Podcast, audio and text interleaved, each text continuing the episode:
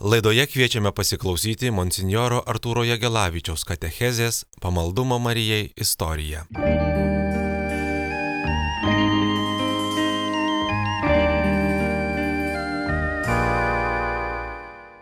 Pamaldumo Marijai istorija. Oficialia Marijos kulto pradžia yra laikomi 431 metai kuomet visuotinis Efezo bažnyčios susirinkimas paskelbė, jog Marija yra Dievo motina. Pats susirinkimas vyko Teotokos, Dievo motinos bažnyčioje. Taigi tuo laiku Marijos garbinimas jau buvo gana plačiai išplitęs ir žmonių pamėgtas. Iš trečio amžiaus rastas papirusas liudija, tuomet jau buvus malda tavo apginimo šaukiamis. Seniausios krikščioniškos šventos pristilės katakombos Romoje išsaugojo Marijos su kudikėliu Jėzumi paveikslus. Radinys siekia antro amžiaus pirmąją pusę. Vadinasi, Marija buvo garbinama jau tada, kai krikščionybė tebe kvėpavo Kristaus ir apaštalų dvasia, kai pirmieji kankiniai savo krauju laistė Evangelijos sėklą. Liturginis Marijos kultas prasidėjo Jeruzalėje ir pirmoji jo šventė buvo minima rūpjūčio 15 dieną vietovėje, kur ilsėjosi Marija prieš iškeliaudama į Betlėjų. Penktame amžiuje, kai Getsemanėje buvo pastatyta Marijos kapo bazilika, Marijos Dievo motino šventė rūpjūčio 15 buvo pavadinta Dormicijo užmėgimas. Ši šventė tapo labai populiari visuose rytuose, o šešto šimtmečio pabaigoje Bizantijos imperatorius Mauricijus įsakė ją švesti visoje imperijoje. Atrodo, iš čia ir kilo antroji iš seniausių Marijos gimimo šventė minima rugsėjo 8-ąją. Šešto šimtmečio viduryje Jeruzalėje buvo pastatyta Marijos paukojimo bažnyčia. Atrodo, kad lapkričio 21 dieną Marijos paukojimo šventė gimė kaip tik iš čia. Tad šeštajame amžiuje Jeruzalėje minimos Marijos šventės jo buvo išplitę visuose rytuose. Jeruzalėje kartu su viešpaties šventėmis prasidėjo ir Marijos minėjimas. Taip švenčiant Kristaus gimimą kartu buvo minima Marijos motinystės šventė gruodžio 26. Apreiškimo Marijai. Kovo 25 ir Jėzaus paukojimą šventykloje vasario 2. Tai šventės, kuriuose Marija minima kartu su Jėzumi. Šešto amžiaus tekmėje Marijos kultas labai išplito. Pavyzdžiui, Etijopijos bažnyčia turėjo apie 30 Marijos švenčių per metus.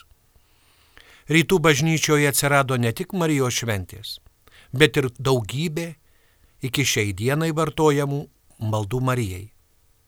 Nuo Etiopijoje atsiradusios Marijos mišių anaforos iki bizantiškųjų Marijos garbės skirtų himnų akatistos. Vakarų bažnyčioje Marijos kultas formavosi šiek tiek lėčiau. Tačiau jo ištakos taip pat siekia trečią amžių. Romoje pirmąją Marijai pašvestą baziliką pastatė po Efezo susirinkimo popiežius Sikstas. Ekskvilino kalbos viršūnėje. Dabar ta šventovė vadinama Didžioji Marijos, Marija Madžiorė bazilika. Septintame amžiuje visa eilė rytuose švenčiamų Marijos švenčių pasiekė ir Romą. Nuo 14 šimtmečio varpai ėmė skambinti viešpaties angelas maldai. Mergelijos Marijos svarba mūsų dvasiniam gyvenimui.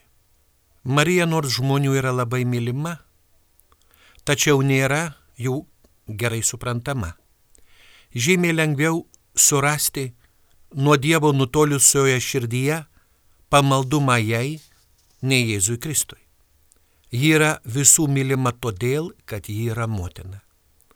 Labai dažnai vaikai nesupranta motinų, tačiau labai jas myli ir neratas atvejis, kada net mirštantis žilagalvis žmogus vienu iš paskutinių savo žodžių ištaria motinos vardą. mama yra labiau suprantama širdiminiai protų. Štai kodėl motina yra arčiau žmogaus širdies. Rašė Kera Liubich savo knygoje Ledotrina spiritualė. Marija mums yra žymiai artimesnė savo prigimtimi. Todėl drįstame ją vadinti Jėzaus mokymo vertėja į artimiausią žmogui kalbą paklusnumą Dievui. Marijos pavyzdys yra savotiškas vidinis vadovas, padedantis krikščionims kurti tikrą santykį su Kristumi, sakė popiežius Jonas Paulius II. Meilė Marijai keičia visą mūsų gyvenimą, suteikdama ištvermę ir malonumą pamaldumui. Meilė Marijai daro mūsų darbą tyresniu ir nuopelningesniu. Ji mus veda į dangų. Taip mokė dvasinio gyvenimo mokytojas belgų kunigas Edvardas Popė. Bažnyčia moko, jog visų krikščionių pareiga yra pagarbiai sekti gausiais Marijos šventumo pavyzdžiais. Vatikano antrojo susirinkimo konstitucijoje Lumen Gentium apie Marijos pavyzdį mums sakoma. Kristaus tikintieji dar tebesistengia apgailėdami nuodėmę aukti šventumu. Todėl jie kelia savo akis į Mariją, švenčiančią visai išrinktųjų bendruomeniai darybių pavyzdžių. Tos mergelės gyvenimas yra motiniškos meilės pavyzdys, kuris turi įkvėpti visus padedančius bažnyčiai vykdyti jos apaštališką uždavinį atgimdyti žmonės. Neveltui šventasis Alfonsas Liguoris sako, veltui tikėsies išgelbėti ir pašventinti savo sielą be Marijos. Dievas ateina į pasaulinę jėgą, bet atsiduodamas į Nazareto mergaitės valios apsisprendimą. Kaip tą progą rašo Antanas Maceina, Dievas nori būti laisvai priimtas. Gabrieliaus apsilankimas Nazarete ir buvo gauti iš žmogaus šitokį laisvą sutikimą. Bažnyčia ypatingai brangina mergelės Marijos užtarėjos vaidmenį. Todėl vadina Dievo motina visų malonių tarpininkę ir mūsų taikintoje su Dievu ir dangiškųjų malonių teikėja. Taip tvirtino popiežius Leonas XIII. Mums, klystantiems gyvenimo keliuose, reikia Marijos užtariamojo žodžio, jos pavyzdžio, jos suraminimo. Todėl mes dažnai prašome Marijos, kad ji padėtų pajusti gelbstinčią Kristaus ranką mūsų gyvenimo sunkiausiomis valandomis nori garantuotai surasti Jėzų. Ieškok jo ant Marijos rankų. Nori patirti malonę. Eik pas Mariją, ji yra šaltinis. Nori dangaus, eik pas ją, nes ji yra saugiausias kelias ir vedlė. Patarė dvasingumo mokytojas Benediktinas Kolumba Marmijon. Anot popiežiaus Pauliaus VI, Marija yra nusižeminusios maldos, pasitikėjimo apvaizda, pastovaus aukojimuose, nusižeminimo, paklusnumo ir liepsnojančios meilės pavyzdys. Mums visiems mergelė Marija yra darybių mokytoja. Atkreipkime dėmesį, kaip ji mėgsta tylėti. Ji nekalba apie save, nekalba apie artimą, nieko nepeikia, nesmerkia ir nepajuokia. Šventasis raštas mini, kad Marija kalbėjo vos septynis kartus ir tai tik dėl didesnės Dievo garbės ir artimo naudos. Marija nepyksta, nei nekantrauja, kuomet jai sunkiomis dienomis tenka keliauti į Betlėjaus miestelį. Ji nerūstauja ir nemurma ant šventojo Juozapo, kuomet jai teko gimdyti tvartę ir kūdikį paguldyti ėdžiuose. visame jos gyvenime skamba žodžiai. Štai aš viešpaties tarnaitė. Popiežius Benediktas XVI moko. Marija puoselėjo dialogą su Dievu, su Dievo žodžiu. Taip pat dėmėjosi įvykius, per kuriuos Dievas su ją kalbėjo. Jos magnifikat nuaustas iš šventojo rašto žodžių ir liudyja, kad Marija gyveno nuolatiniu dialogu su Dievo žodžiu ir taip pat su pačiu Dievu. Todėl natūralu, kad visą savo gyvenimą su viešpačiu ji be paliobos kalbėjosi su Dievo sūnumi ir trejybiniu Dievu. Marija taip pat moko mus asmeniškai kalbėti su viešpačiu svarstant bei išlaikant savo širdyje Dievo žodžius, įdant jie kiekvienam taptų tikrų maistų. Marija mums yra maldos, asmeninio ir gilaus sąlyčio su Dievu mokytoje. Jonas Paulius II rašė, Marijos šviesoje bažnyčia įžiūri moters veidę grožio atšvaitus, tarytum veidrodyje atsispindinčius kilniausius žmogaus širdies jausmus. Meilės žadinama atsidavimo pilnatvė, jėga gebančia pakelti sunkiausias kančias, begalinę ištikimybę, nenuilstamą veiklumą, gebėjimą, svarbę intuiciją derinti su palaikymo bei padrasinimo žodžiais. Citata iš Redemptoris Mater. Kunigas Luigi Arijonė sako, skaitykite ant mano kaktos, skaitykite mano širdyje, skaitykite mano sieloje.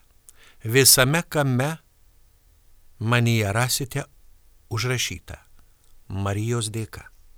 Egzistuoja bažnyčios mokyme apie Kristaus sekimą bendra taisyklė - pas Jėzų per Mariją. Čia nėra nieko keisto, kad į mus panašus Dievo kūrinys yra tarpininkas tarp žmonių ir Dievo sūnaus. Marija niekiek nepažeidžia mūsų orumo ir nesutrukdo mums betarpiškai kreiptis ir bičiuliautis su Dievo sūnumi. Tačiau būdama be nuodėmės ir ant Golgotos kalno paskirta būti mūsų visų motina, ši žmonių giminės mergaitė, malonėmis apdovanotoji, labiausiai palaiminta iš visų moterų, mums visiems yra šviečiančių paklusnumo Dievui pavyzdžių. Šia ypatingos malonės dovana, ji toli pranoksta visus kitus kūrinius tiek danguje, tiek ir žemėje. Marijai labiausiai tinka Jėzaus pasakyti žodžiai. Mano siuntėjas yra su manimi, jis nepaliko manęs vieno, nes visuomet darau, kas jam patinka. Popiežius Jonas Paulius II teigia, jog su Marija mes panašėjame į Kristų. Čia popiežius cituoja Švento Liudviko Marijos Grinjono de Monforo mokymą, kuriame Marijos vaidmuo kiekvieno iš mūsų panašėjime į Kristų aiškinamas kaip, kadangi visą mūsų tobulumą sudaro panašėjimas į Kristų, susivienimas su juo ir pasišventimas jam, tobuliausias maldingumas neginčiamai yra tas, kuris tobuliausiai mus suparnašina su Jėzumi Kristumi, suvienyje su juo ir pašvenčia jam. O kadangi iš visų kūrinių panašiausiai į Kristų yra Marija, išeina, kad siela labiausiai pašvenčia mūsų viešpačiui ir su juo supanašina maldingumas švenčiausiai mergeliai, jo švenčiausiai motinai, kad juo siela bus labiau pašvesta Marijai, ji juo bus labiau pašvesta Jėzui Kristui. Tai prašė Jonas Paulius II apaštališkajame laiške Rozarium Virginis Marija. Tad popiežius sako, jog savo motinuškų užtarimu Marija palaiko maldą, kurią mūsų širdyje pažadina Kristus ir dvasia. Niekas taip nesuvienyje žmonių, kaip viltis, kad bendrame gyvenime pasidalinta kančia, solidariumo su kenčiančiais mažina kančias.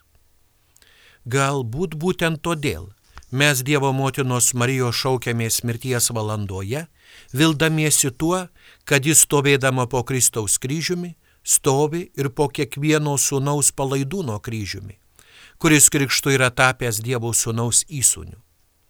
Pavojuose, rūpeščiuose, bejonėse galvok apie Mariją, šaukis Marijos. Sekdamas ją, neišklys iš tiesaus kelio, šaukdamasis jos nepražūsi, galvodamas apie ją nenusidėsi, tvirtai laikydamasis jos neparpulsi. Mokė bažnyčios daktaras Šventasis Bernardas. Popiežius Benediktas XVI sako, jog Marija mus moko būti atviriems Dievo valiai ir kaip jinai širdimi bendrauti su kitais žmonėmis, būti kupiniems gailestingumo, meilės, švelnumo, ypač su vienišais, niekinamais ir išnaudojamais žmonėmis. Rožinio maldos vertė. Žodis rožinys kilo iš viduramžių papročio, rožių vainiku papuošti mergelės Marijos statulas ir paveikslus. Rožės buvo gražios ir kvapnios maldos skirtos mergeliai Marijai simboliu. Taip gimė mintis naudoti eilę karoliukų meditacijų maldoms suskaičiuoti. 13 amžiuje vienuoliai cistersai parengė karoliukus maldoms skaičiuoti ir naują maldą pavadino rožiniu, kaip mistinių rožių vainiku skirtų mergeliai Marijai. Šį pamaldumą išpopuliarino šventasis Dominikas, kuris pagal tradiciją pirmąjį rožinį gavo iš mergelės Marijos, viename iš jos apsireiškimų, kaip netikinčiųjų ir nusidėjėlių atvertimo priemonė. Iki švento Dominiko egzistavo bendra praktika kalbėti rožančių iš tėviamūsų maldų, jas skaičiuojant karoliukų pagalba. Tiesą sakant, paprotys skaičiuoti maldas raištelio su mazgais pagalba buvo išplitęs trečiajam ir ketvirtajam amžiuose dykumų vienuolių atsiskyrėlių, emeritų laikais.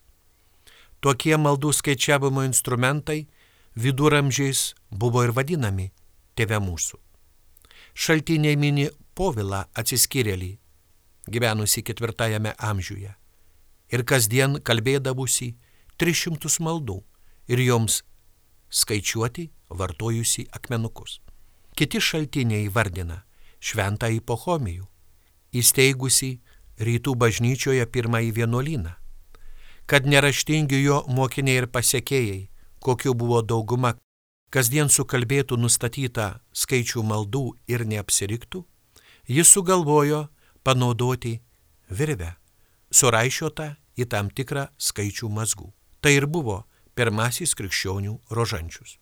Tokiu naudojosi katalikų ir pravoslavų vienuoliai. Sveika Marija nebuvo griežtai nustatytas ir priklausė nuo kalbėtojo noro. Yra nuomonė, jog pirminė rožinio forma vakarų bažnyčioje atsirado apie 800 metus Airijoje kur vienuolės kasdien skaitydavo visas 150 psalmių. O rašyti, skaityti nemokantys žmonės vietoje psalmių skaitimo 150 kartų kalbėdavo tėve mūsų maldą. Yra nuomonė, jog 12 amžiuje tikintieji prie tėve mūsų ėmė pridėti ir sveiką Mariją. Tad oficialiai rožinio pradininku laikomas šventasis Domininkas, o 15 amžiui Pamokslais rožinį išpopuliarino Domininkonas palaimintasis Alanas iš Rupės. Šiandienę rožinio kalbėjimo formą patvirtino popiežius Pijus V 1569 metais. Rožinis itin išpopuliarėjo XVI amžiuje, kai rožinio malda 1571 metais padėjo krikščionims prie Lepanto nugalėti turkus. Tam įvykiui atminti popiežius Pijus penktasis įsteigė rožinio švenčiausios mergelės Marijos šventę, švenčiamą spalio 7 dieną. Anot pasakojimų, dėl rožinio maldų 1571 m. spalio 7 d. krikščionys nugalėjo turkų laivyną viduržėmio jūroje prie Lepanto. Nuo 1716 m. Romos kalendorijoje ši šventė buvo nukelta į pirmąjį spalio sekmadienį, tačiau šventasis popiežius Pijus X sugražino šventę į jos pirminę datą spalio 7. Tai diena, kai rožinio malda šaukiamasi Dievo gimdytojos pagalbos, kad vadovaujant jai, kuri ypatingų būdų buvo suvienita su Dievo sunaus įsikūnymu, kančia ir prisikėlimu, pamėgtume ir platintume Kristaus paslapčių apmąstymą. Galiausiai 2002 metais šventasis popiežius Jonas Paulius II apaštališkų laiškų Rozarium Virginijs Marija pridėjo ketvirtąją rožinio dalį šviesos slėpinius. Popiežius Jonas Paulius II apie rožinį sako, tokio pavydalo rožinyje, koks labiausiai prigijo praktikoje ir buvo patvirtintas bažnytinės vadovybės, iš visų Kristaus gyvenimo slėpinių išliko tik keletas. Šį pasirinkimą lėmė pirminė maldos schema, besiremianti psalmių skaičiumi 150. Lietuvoje nuo 16 amžiaus rožinį išplatino Lenkų domininkonai. Ilgainiui imta steigti rožinio brolyjas, rožinio vardo bažnyčias.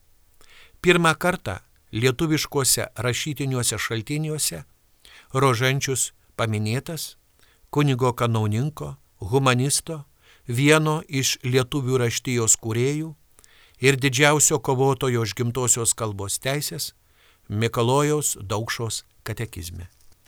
Rožinys katalikų meditacinė kartotinė malda skirta apmastyti Jėzaus Kristaus ir švenčiausios mergelės Marijos gyvenimo svarbiausius įvykius, aprašytus Naujajame testamente arba perimtus iš bažnyčios tradicijos. Popiežius Jonas Paulius II sako, jog rožinys kontempliacinė malda. Būtent Marijos patyrimu besiremiantis rožinys yra aiškiai kontempliacinė malda. Atėmus šį matmenį, jis prarastų savo prigimtį, kaip pabrėžė Paulius VI, rožinys be kontempliacijos yra kūnas be sielos.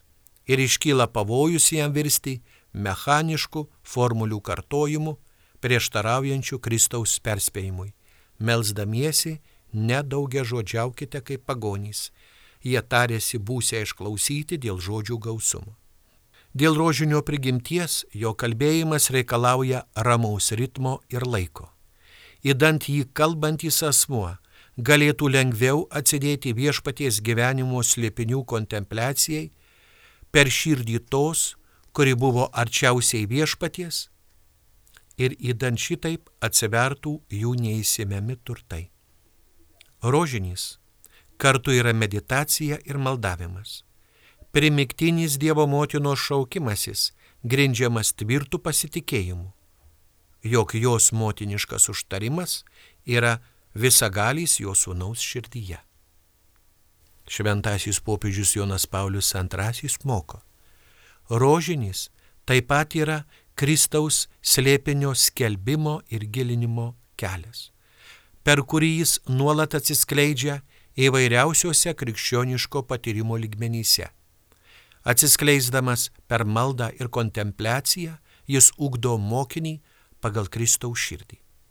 Kalbant rožinį, deramai atsižvelgus į visus gerą meditaciją laiduojančius elementus, ypač per bendruomeninį celebravimą parapijoje arba šventovėje, atsiranda ypatinga katekizacijos galimybė kurią ganytojai privalo pasinaudoti.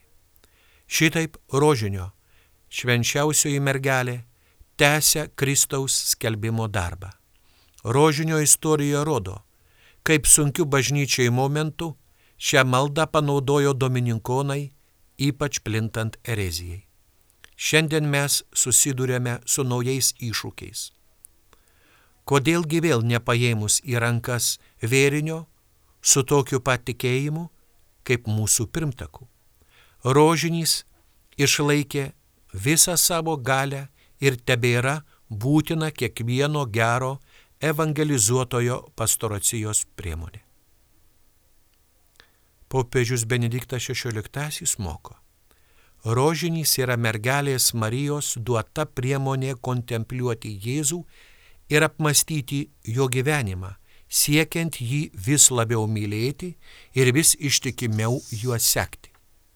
Tad per rožinį, anot popiežiaus Jono Paulius antrojo, supanašėdami su Kristumi, mes ypač pasivedame švenčiausiosios mergelės motiniškam veikimui.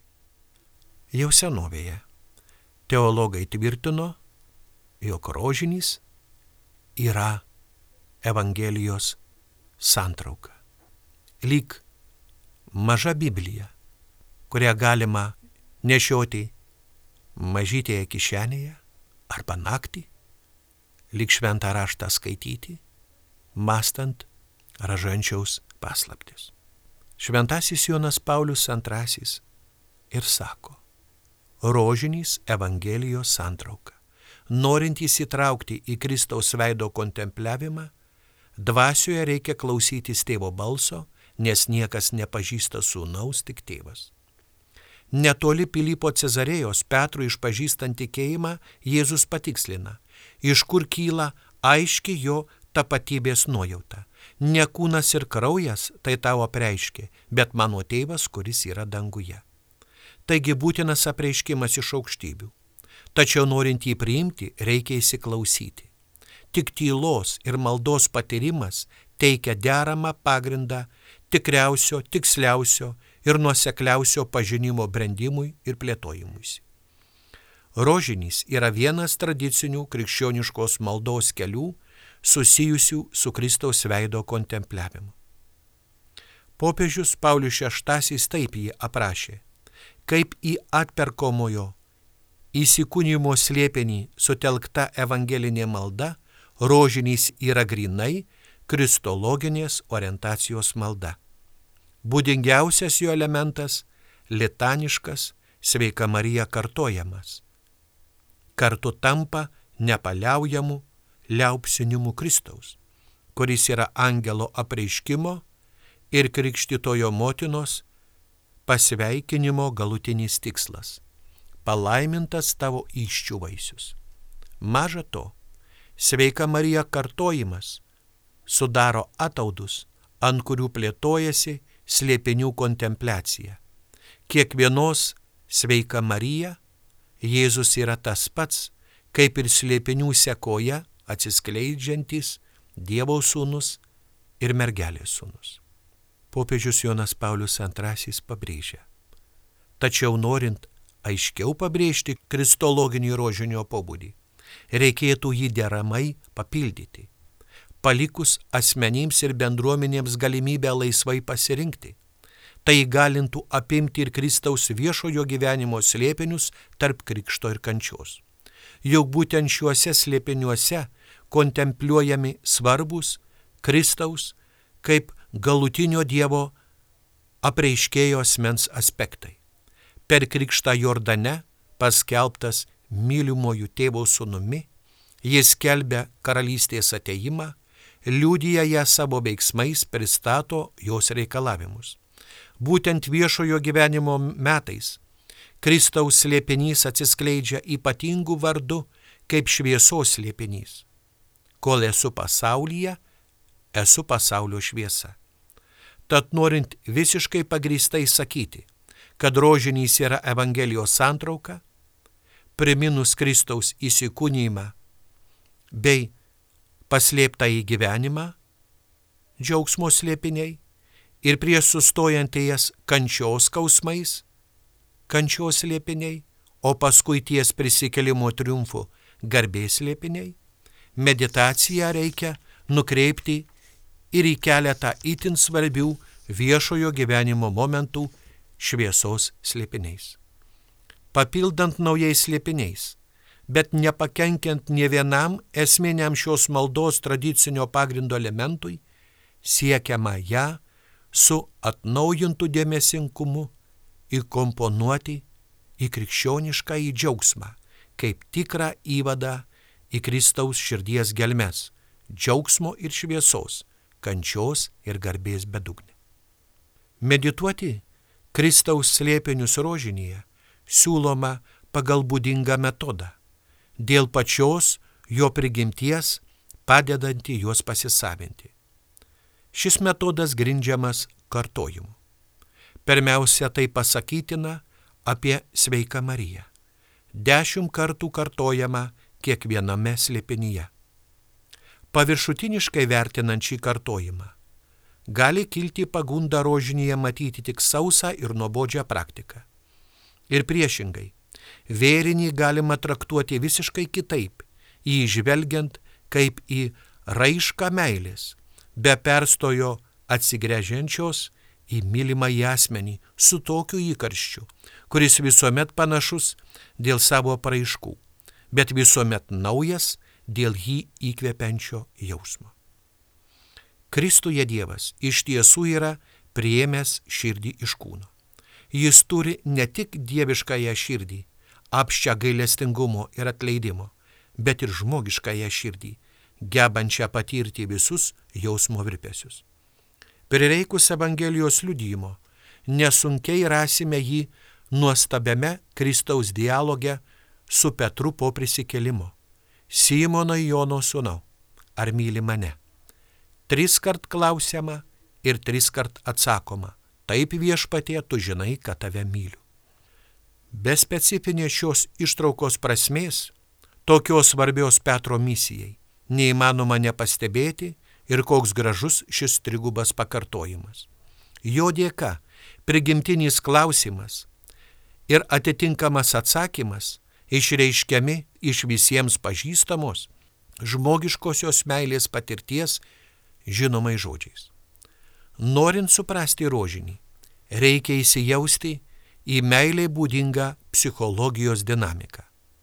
Viena aišku, jei kartojant sveika Marija, kreipiamasi tiesiai į Mariją, tai su ją ir per ją meilės aktu kreipiamasi būtent į Jėzų kartojimas semėsi peno iš troškimo vis pilnatviškiau supanašėti su Kristumi.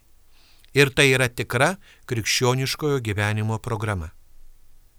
Šventasis Paulius skelbė šią programą ugnies kupinai žodžiais. Man gyvenimas tai Kristus, o mirtis tik laimėjimas. Ir dar. Aš gyvenu, tačiau nebe aš, o gyvena manyje Kristus. Rožinys mums padeda aukti šiame panašėjime iki pat šventumo. Popiežius Benediktas XVI moko. Rožinys yra kontempliacijos ir tylos mokykla. Iš pirmo žvilgsnio jis gali pasirodyti kaip malda, kurioje vienas po kito reikiuojami žodžiai ir kuri dėl to sunkiai suderinama tyla, pagrįstai rekomenduojama meditacijai ir kontempliacijai. Iš tiesų to lygus Ave Marija kartojimas vidinės tylos netrikdo, bet priešingai jos reikalauja bei ją palaiko. Panašiai kaip psalmių valandų liturgijoje. Atveju tyla reiškiasi ne žodžiais ir sakiniais, ne kaip tuštuma, bet kaip žodžius pranokstančios ir kartu su jais širdžiai kalbančios galutinės prasmės buvimas.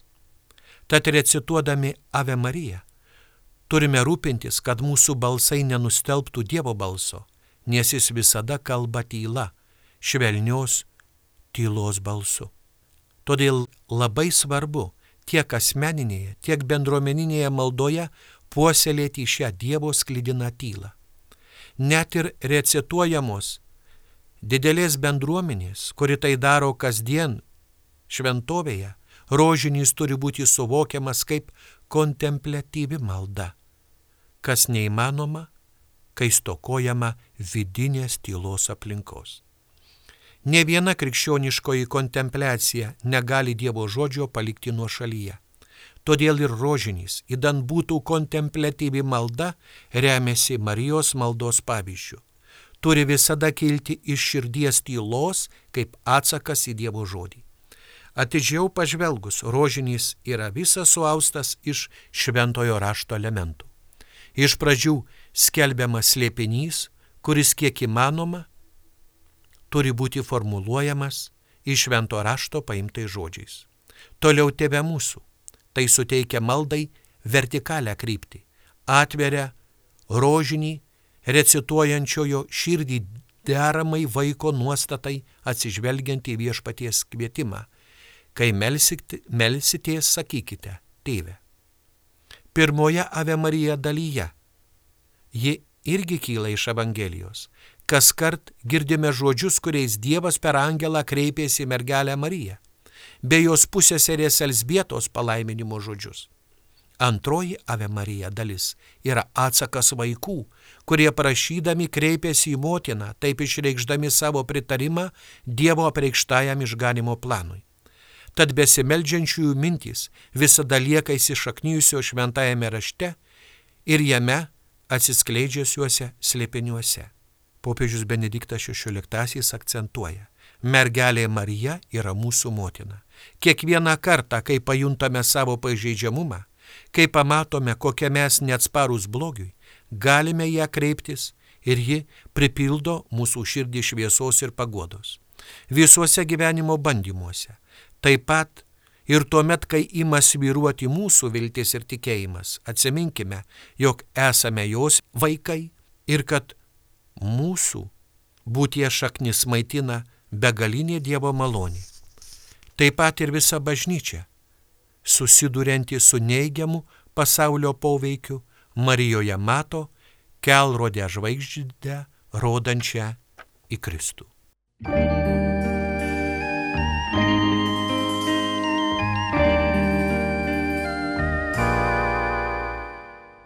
Laidoje girdėjote monsinjoro Artūro Jegelavičiaus katechezę Pamaldumo Marijai istoriją.